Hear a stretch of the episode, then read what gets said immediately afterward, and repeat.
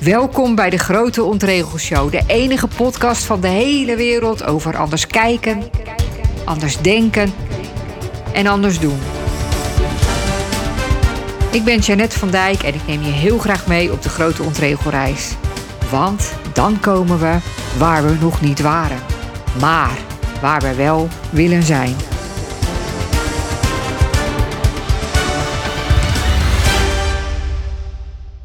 Je kunt een probleem niet oplossen met de denkwijze die het heeft veroorzaakt.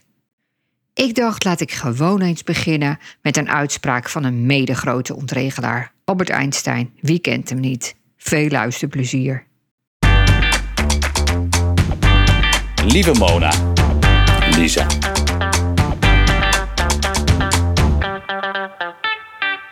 Lieve Mona, Lisa.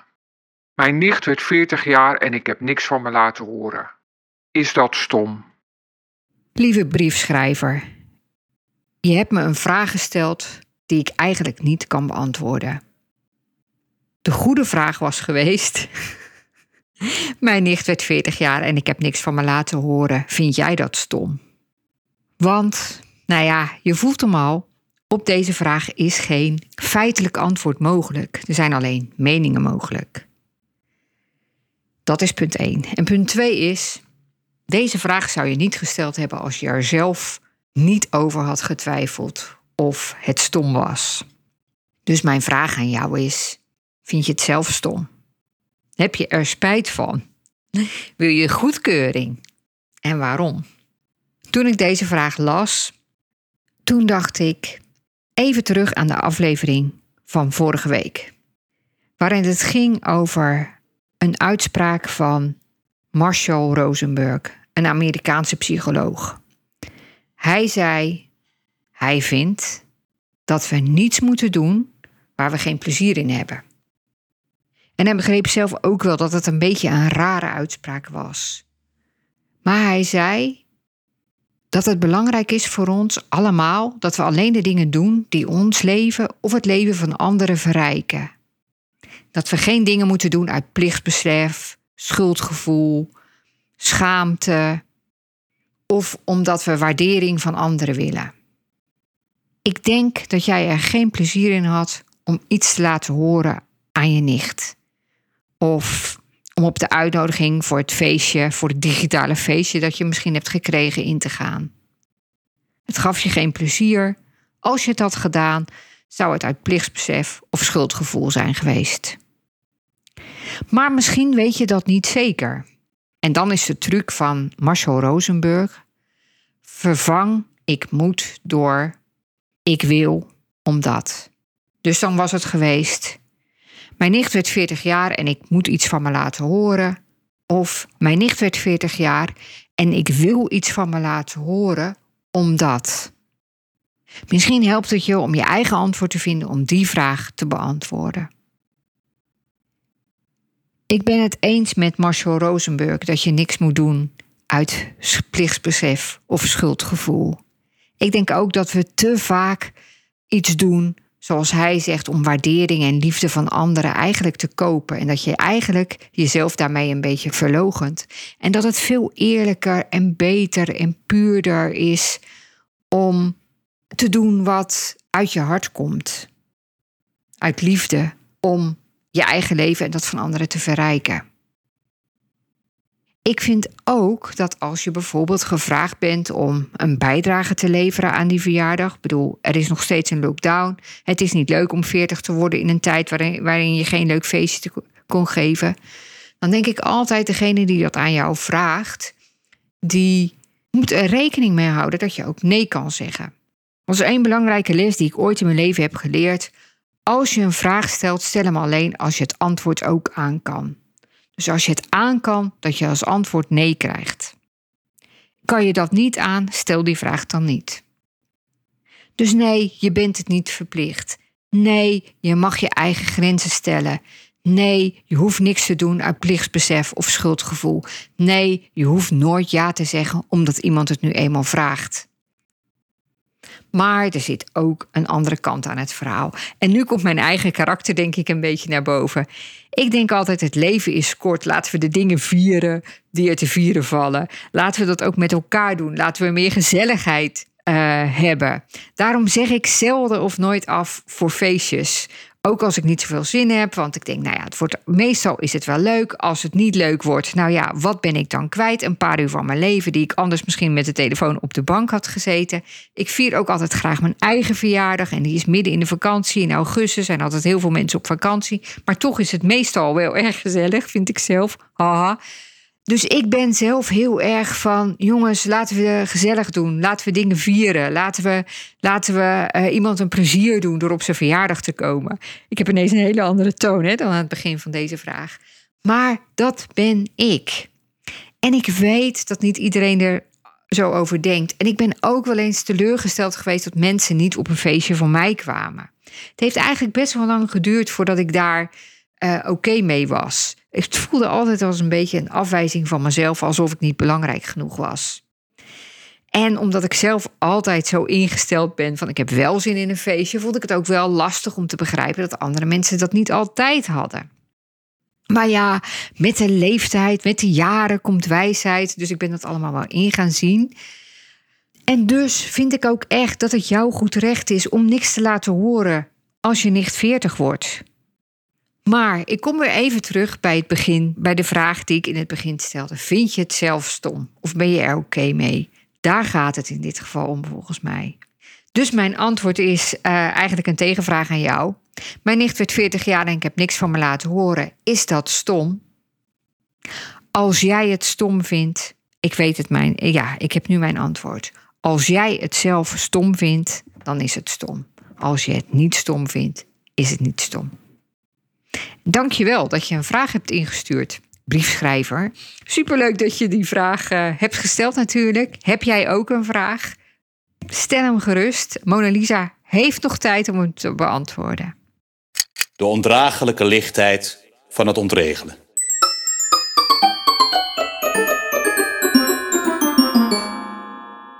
Zoals je waarschijnlijk weet, heet niet alleen deze podcast de Grote Ontregelshow, maar ook de lezing die ik heb gemaakt en die ik een paar keer heb gegeven voordat alles dichtging. Mijn lezing, de Grote Ontregelshow, begint met een elastiekje. Een elastiekje dat je krijgt als je in het publiek zit en ik vraag dan of je dat elastiekje om je pols wil doen. Nou, dat had ik niet helemaal zelf verzonnen. Op een dag een paar jaar geleden kwam mijn jongste dochter thuis met een eenvoudig bruin elastiekje om haar pols. Ik dacht, is het in de mode? Heb ik weer iets gemist? Maar ze had in Seven Days, een krant voor jongeren, iets gelezen over een gebrek aan zelfvertrouwen. En de tip was: als je nou dat elastiekje om je pols doet en elke keer als je iets negatiefs over jezelf bedenkt of zegt, of als je je onzeker voelt, dat je dan dat elastiekje tegen je pols knalt. Zo word je er bewust van ja, hoe vaak je eigenlijk uh, iets doet wat niet goed is voor je zelfvertrouwen. Zoiets. En ik dacht van hé, hey, dit is leuk om te kijken hoeveel negatieve gedachten we hebben. Dus de opdracht was om het elastiekje om te houden en elke keer als je negatieve gedachten hebt, om dan dat elastiekje tegen je pols te laten knallen. Want allerlei onderzoeken, ja, hoe ze het precies meten, weet ik niet. Maar allerlei onderzoeken wijzen uit dat we ongeveer 80.000 gedachten hebben per dag. Nou ja, sommige mensen misschien 60.000 en sommige 90.000. En dat daarvan sowieso 95% hetzelfde is als dat we gisteren dachten en vorige week. We blijven dus allemaal lekker met onze gedachten in hetzelfde rondje rondlopen. En dat 80% van de gedachten schijnt negatief te zijn. Nou, misschien zijn jullie allemaal net zo positief als ik. En is onze gemiddelde uh, percentage van negatieve gedachten 75%. Maar anyway, het is superveel. En negatieve gedachten zijn helemaal niet goed voor ons. Uit MRI-scans blijkt dat er echt iets gebeurt in onze hersenen als we negatief denken. En dat is iets anders dan wat er gebeurt bij positieve gedachten. Dat kan je dus op MRI-scans zien. Bij negatieve gedachten wordt er een gebied geactiveerd in onze hersenen die ook actief worden als er risico is, of als er gevaar is, of als je een moeilijke beslissing moet nemen. Nou, en je weet waarschijnlijk wel dat wat, je, wat er in je hersenen gebeurt, dat dat ook een uitwerking heeft in je lichaam. Dus ja, je voelt je gewoon minder goed dan wanneer je een positieve gedachte hebt. Want die activeert het deel van je brein dat aangaat als je contact hebt met anderen of als je jezelf goed voelt over jezelf. Dus er gebeurt echt iets met je als je een negatieve gedachte hebt. Iets dat niet echt ja, goed voor je is. Negativiteit heeft ook iets besmettelijks, net als positiviteit natuurlijk. Maar misschien herken je het wel als je uh, een collega hebt die altijd zeurt tijdens een Zoom-call, uh, of altijd somber is, of als je uh, altijd de problemen ziet in plaats van de oplossingen. Of als je naar het nieuws kijkt, dat vaak negatief is, kan je ook somber maken. Dus negatieve gedachten, ja, ze ja, ze hebben gewoon niet zo'n positief effect op ons. En ze hebben ook, eh, als wij een nieuwe. Nou ja, ik vertelde net al dat je ook je een beetje somber kan gaan voelen. Of een beetje neerslachtig kan voelen. Of een beetje chagrijnig. Als een collega het negatief doet. Als je negatief doet. Als je negatief nieuws hoort. En zo ben je zelf, zijn we zelf natuurlijk ook.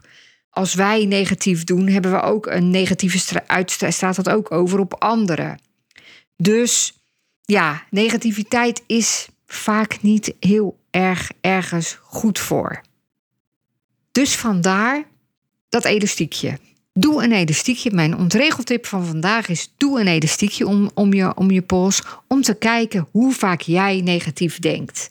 Want waarschijnlijk weet je ook al van de uh, nieuwe wetse ideeën over. Um, dat we ook allemaal onderdeel zijn van het universum en allemaal onderdeel zijn van een energieveld en dat het de energie die wij uitstralen eigenlijk als een boemerang naar ons terugkomt. Dat we krijgen wat we denken. Dus als we negatief denken, dan krijgen we ook iets negatiefs. Als we positief denken, dan gebeurt er ook iets positiefs. Dus hoe meer negatieve gedachten je hebt, hoe groter de kans is dat er ook negatieve dingen gebeuren. Dus ook daarom is zo'n elastiekje om je pols werkelijk een briljant idee. Maar als je geen elastiekje om je pols wil doen, dan kan je natuurlijk ook denken: nou, ik doe elke keer uh, zet ik een streepje in mijn, in mijn agenda of op mijn telefoon als ik een negatieve gedachte heb. En voor elke negatieve gedachte betaal ik deze week een euro aan de voedselbank of aan vluchtelingenwerk. Zo kan je het natuurlijk ook doen. Of je kan iets anders verzinnen om jezelf alert te maken op al je negatieve gedachten. Want het zijn er te veel. Dat sowieso. En het is fijn om dat te veranderen. Niet alleen voor jezelf, ook voor anderen in je omgeving. Dus dat was de ontregeltip van vandaag. Vandaag gelezen. Het leek me wel weer een mooie dag om de zeven spirituele wetten van succes erbij te pakken. Het boekje van Deepak Chopra met de zeven spirituele wetten van succes voor het vervullen van je dromen. We zijn al toe aan wet 4. De eerste drie wetten hebben we besproken in de vorige afleveringen van deze podcast. En wet 4 is de wet van de minste weerstand. En ik vind hem zelf super mooi. En ik hoop dat jij dat ook vindt. De wet van de minste weerstand, uh, de ondertitel is. De intelligentie van de natuur werkt moeiteloos, onbekommerd, harmonieus en liefdevol. En als we de krachten van harmonie, vreugde en liefde gebruiken, creëren we moeiteloos succes en geluk. Nou, wie wil dat niet? Nou, in het boekje gaat het dan zo dat Deepak Chopra uitlegt wat de wet van de minste weerstand is. En dan zijn er altijd drie stappen die we moeten doen om die wet uh, te vervullen. Nou, wat is de wet van de minste weerstand? Dat is het principe van de minste actie zoals we die ook in de natuur zien. Hij legt uit, kijk hoe de natuur werkt. De natuur ja, is er zonder eigenlijk moeite. De natuur is er eigenlijk zonder moeite. Wat een briljant mooie zin. Gras probeert niet te groeien, maar groeit gewoon. Vissen proberen niet te zwemmen, maar ze zwemmen gewoon. Het is de natuur van de zon om te schijnen. Het is de natuur van baby's om gelukkig te zijn. Het is de natuur van de aarde om, om zijn eigen as te draaien. Dat probeert hij niet, maar dat, dat, dat, dat gebeurt gewoon. En zegt hij, het is de menselijke natuur om dromen te verwerkelijken. Gemakkelijk en zonder moeite. Dan is er een oude filosofie in India die ook eigenlijk uh, is zoals de wet van de minste weerstand. En die wijsheid, die filosofie, die zegt: doe minder en bereik meer.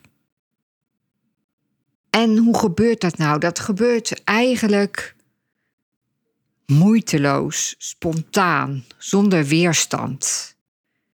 Eigenlijk gaat het dan weer over feminine energie.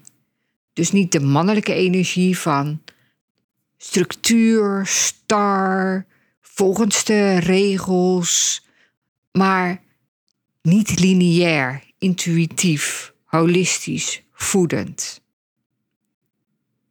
En de natuur wordt eigenlijk gedomineerd door een soort liefde, energie van liefde. En die liefde, die energie van liefde, als we daardoor gemotiveerd zijn, dan hoeven we zo min mogelijk moeite te doen als onze acties gemotiveerd worden door liefde. Hij zegt: Als je streeft naar macht over andere mensen, verspil je energie. Als je streeft naar geld of macht ter meerdere eer en glorie van je eigen ego, besteed je energie aan het najagen van de illusie van geluk in plaats van te genieten van het geluk van het moment. Maar als je acties gemotiveerd worden door liefde, is er geen verspilling van energie. Dan vermenigvuldigt je energie zich en er komt er steeds meer van, vanzelf. En ons lichaam is ook betrokken bij die energie. En hoeveel, hoe meer energie we verspillen, hoe moeilijker ons lichaam het heeft. En hoe, hoe, hoe, hoe meer we door liefde gedreven worden, hoe efficiënter we ook die energie van ons lichaam kunnen gebruiken. En hij zegt ook: de meeste energie verspillen we met het bevestigen van onze belangrijkheid. Ja, ik denk altijd, als ik dit soort dingen lees, weet je, dan denk ik altijd: oh, het is ook zo waar. En het is zo vermoeiend. En je voelt eigenlijk ook wel dat het allemaal zo'n verspilling is. En dat het zo anders is dan acties die zijn gemotiveerd uit liefde. Nou, dan zijn er drie dingen die je kunt doen om de wet van de winste weerstand toe te passen. Om dat minder doen en meer bereiken in de praktijk te brengen. En het eerste is acceptatie. En dan zegt hij, hij weet dat zo leuk te vertellen. Acceptatie betekent gewoon dat je je voorneemt. Vandaag accepteer ik de mensen, situaties, omstandigheden en gebeurtenissen zoals ze zich voordoen. Dus dat betekent dat je eigenlijk in het moment zelf moet zijn. En je niet moet verzetten tegen de dingen die gebeuren. Tegen mensen die vervelend zijn, tegen uh, dingen waar je geen zin in hebt. Accepteer het moment van nu. Accepteer de dingen zoals ze zijn. En niet zoals jij zou willen dat ze zouden zijn op dit moment. Je kunt wel wensen dat de dingen in de toekomst anders zijn, maar op dit moment kun je eigenlijk niet anders doen dan accepteren dat de dingen zijn zoals ze zijn. Als jij gefrustreerd of geërgerd bent door iemand of door iets, dan gaat het eigenlijk niet om die persoon of die situatie, maar om je eigen gevoelens over die persoon of die situatie. En dat zijn jouw gevoelens en die gevoelens zijn niet de schuld van iemand anders. Nou, als je dat helemaal begrijpt en beseft en erkent, dan kun je verantwoordelijkheid nemen over hoe je je voelt en dat veranderen. En dan kun je de dingen accepteren zoals ze zijn. Dan kun je verantwoordelijkheid nemen voor elke situatie en voor alle gebeurtenissen die je als probleem ziet. En dat is eigenlijk de tweede stap: verantwoordelijkheid nemen. Verantwoordelijkheid nemen betekent niemand en niets de schuld geven van je situatie, ook niet jezelf. Accepteren. Accepteer de situatie zoals die nu is. Ja, je, de werkelijkheid is een interpretatie, zegt Deepak Chopra. En ja, je kunt van elke situatie kun je ervoor kiezen om je daardoor te laten tyranniseren, of je kunt het zien als iets nieuws en iets moois. doordat je leert van die situatie. En als je bedenkt, dit moment is zoals het moet zijn, dan besef je dat bijvoorbeeld de relaties die je hebt op dit moment precies de relaties zijn die je op dit moment nodig hebt. Want dat heeft allemaal een bedoeling. En die bedoeling is om je eigen groei te bevorderen. Nou, de derde component van de wet van de minste weerstand is weerloosheid. Dat betekent dat je ophoudt met anderen over te halen om het met je eens te zijn, om hetzelfde standpunt als jij te hebben. 99% van onze tijd besteden we aan het verdedigen van onze standpunten. En als je daar afstand van doet, dan krijg je een enorme hoeveelheid energie om op een andere manier te besteden. En dan besef je dat je eigenlijk je tijd verspilde. Nou jongens, deze kan ik dus even heel erg in mijn zak eh, steken. Want ik ben al maanden bezig om anderen te, ervan overtuigen dat mijn standpunt over de corona, zogeheten pandemie, uh, juist is. En nu moet ik dus beseffen dat het een verspilling van tijd is. Maar mijn ego zegt, nou, dat is toch niet helemaal zo, want er is nu een kentering gaande. Meer mensen kijken er nu tegen anders tegenaan. En nu, mede daardoor worden er volgens mij meer maatregelen al versoepeld dan we hadden gedacht en gehoopt. Dus we kunnen gewoon naar de kapper en zo. Nou ja, ik weet het nog niet zeker hè, op het moment dat ik deze podcast inspreek. Maar goed, um, waar waren we? We waren bij de wet van, van de minste weerstand. En als je dus niet meer al je tijd verspilt aan het overtuigen van andere mensen, aan het opdringen van je eigen mening, aan maar probeer om anderen ook over te halen om jouw standpunt te delen, dan bespaar je dus heel veel energie. Ja, Janet van Dijk, knop dat in je oren. Zie er helemaal van af om je eigen standpunt te verdedigen, zegt Deepak. Want dan heb je geen, geef je niks een kans om ruzie te laten ontstaan.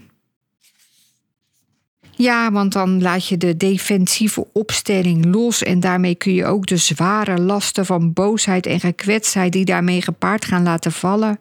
En dan kun je opgewekt, zorgeloos, vrolijk en vrij worden.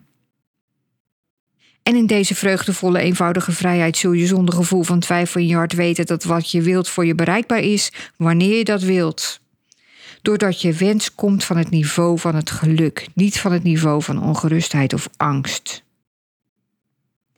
Neem je voor het pad van de minste weerstand te volgen, zegt Deepak Chopra. Via dit pad ontvouwt de intelligentie van de natuur zich spontaan, zonder wrijving of moeite.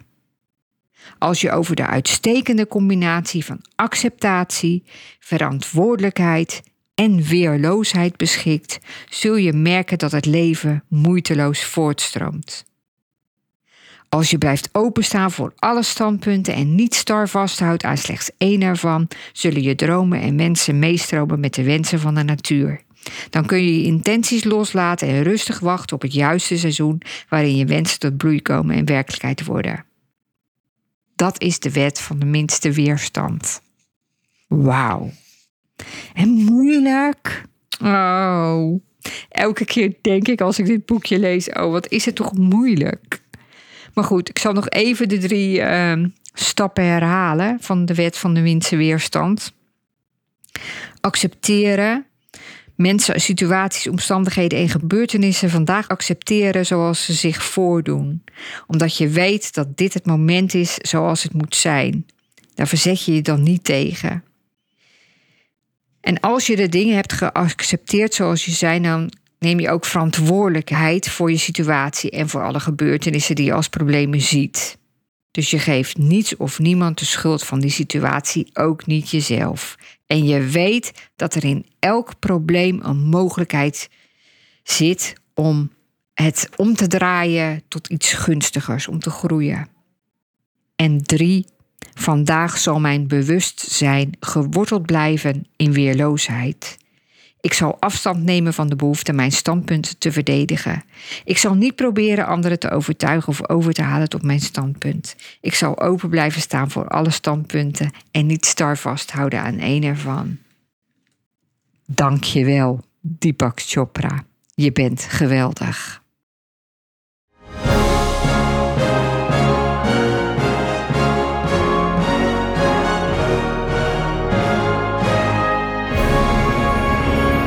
De tot 10. Vandaag 10 tips die je elke dag kan doen om super succesvol te worden. Niet gewoon succesvol, maar super succesvol. Het zijn 10 dingen die je elke dag kan doen. En die je, nou ja, gewoon klaarstomen om succesvol te zijn. Ik heb ze uit een artikel van het digitale tijdschrift INC, Inc. En volgens de schrijver zit achter elke tip een wetenschappelijke onderbouwing. Tip 1. Begin de dag met een mantra. Bijvoorbeeld: Vandaag wordt mijn beste dag ooit. Of uh, Vandaag komt al het goede naar me toe. Je kan ook beginnen met een vraag, bijvoorbeeld: uh, Wat voor goeds zal ik doen vandaag? Of heel eenvoudig met bijvoorbeeld: Dankjewel. Waarmee je eigenlijk, ja, dankjewel zegt voor weer een, nieuwe dag. Of ik ben geweldig. Zo'n statement zet je mind eigenlijk op het goede spoor. Want een bepaald deel van ons brein is er altijd op uit om ons te waarschuwen voor gevaar en risico's. Dus die kan wat somberheid of angst met zich meebrengen. En door met zo'n positief mantra te beginnen, ja, zet je je, je je mind eigenlijk klaar voor een succesvolle dag. Nee, een super succesvolle dag. 2. Wees proactief. Dat betekent begin je dag niet met problemen van een ander. Dat gebeurt bijvoorbeeld als je meteen je mail checkt. Er kan een, een bericht in zitten van een klant of een collega, waardoor jij meteen in actie moet komen om het probleem van een ander aan te pakken. Of je kijkt op Facebook of op Instagram en je ziet iets uh, van iemand die je kent waar je op moet reageren. En zo begin je dus de dag met ja, iets van iemand anders en doe dat niet. Tip nummer drie. Visualiseer je succes. Dat is een wetenschappelijk bewezen model, zeg maar, truc, hulpmiddel uit de, vooral uit de sportwereld.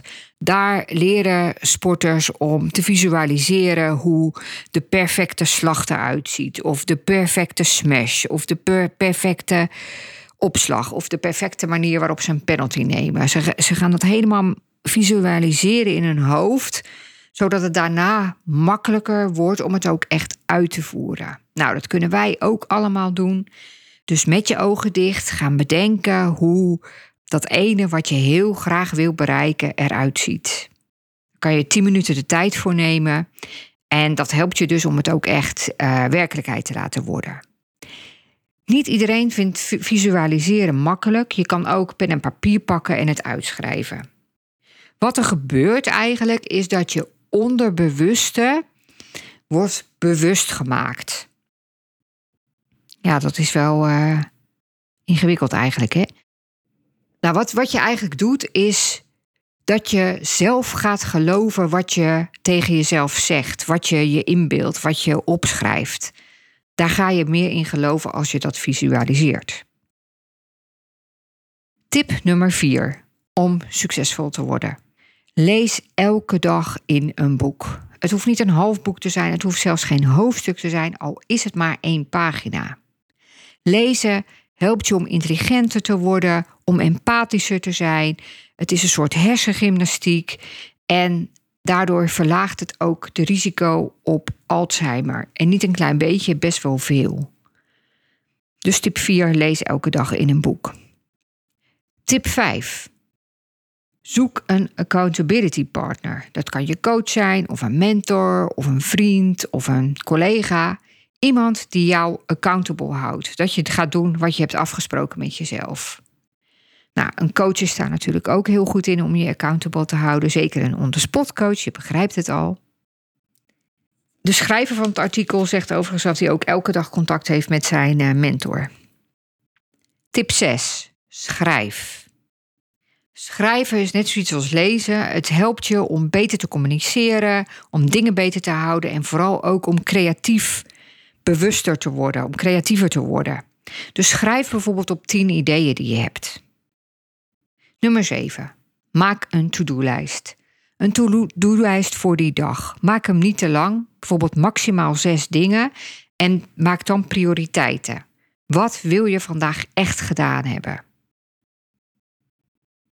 Nummer 8. Neem regelmatig een pauze. Het helpt tegen de verveling en het helpt je ook om gefocust te blijven. Dus neem elke dag een pauze. Nummer 9. Breek je dag op in stukken. Daardoor bevorder je dat je zoveel mogelijk kan doen in zo weinig mogelijk tijd. Tim Ferriss van de vierurige werkweek, die is daar ook een ster in. Die breekt ook zijn dag in stukken. Het voorkomt dat je hoofd overloopt en je kan echt dus dan ja, focussen op, op, op dat ene, waardoor je gaat als een speer.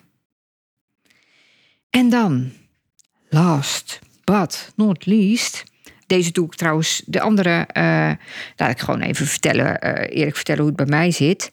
Ik ben niet van plan om dit te gaan doen, maar ik doe het nog helemaal niet al, allemaal altijd. En het laatste al helemaal niet, tip 10. Maar ja, die moet ik natuurlijk wel gaan doen om super, super succesvol te worden. Wat is dat trouwens, super succesvol? Dat is, geef een thema aan je werkdagen. Dus maak van maandag de administratiedag, dinsdag de contentdag, woensdag de coachdag, donderdag ook de coachdag en vrijdag de podcastdag. Ik zeg maar wat. Geef aan elke dag een thema. Dat zorgt ervoor dat je op dat gebied vooruit gaat. Zorgt natuurlijk ook weer voor focus die dag, maar door dat elke week structureel te doen, maak je dus stappen op dat gebied. Dus, ik herhaal ze nog even. Tip 1 Begin de dag met een mantra. Tip 2. Begin de dag proactief, dus met iets van jezelf, niet met iets van een ander. 3. Visualiseer wat je wil bereiken. 4. Lees elke dag in een boek. 5. Zoek een accountability partner. 6. Schrijf. 7. Maak een to-do-list. 8. Neem pauze. 9. Breek je dag in stukken. 10. Geef elke dag werkdag een thema. Waar ben je mee bezig?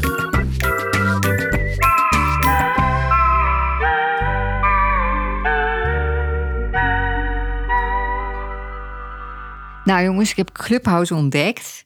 Als hippe, hippe, hippe, oude hippie zit ik er al sinds begin januari op. Maar uh, de eerlijkheid gebied om te zeggen dat ik er even aan moest wennen.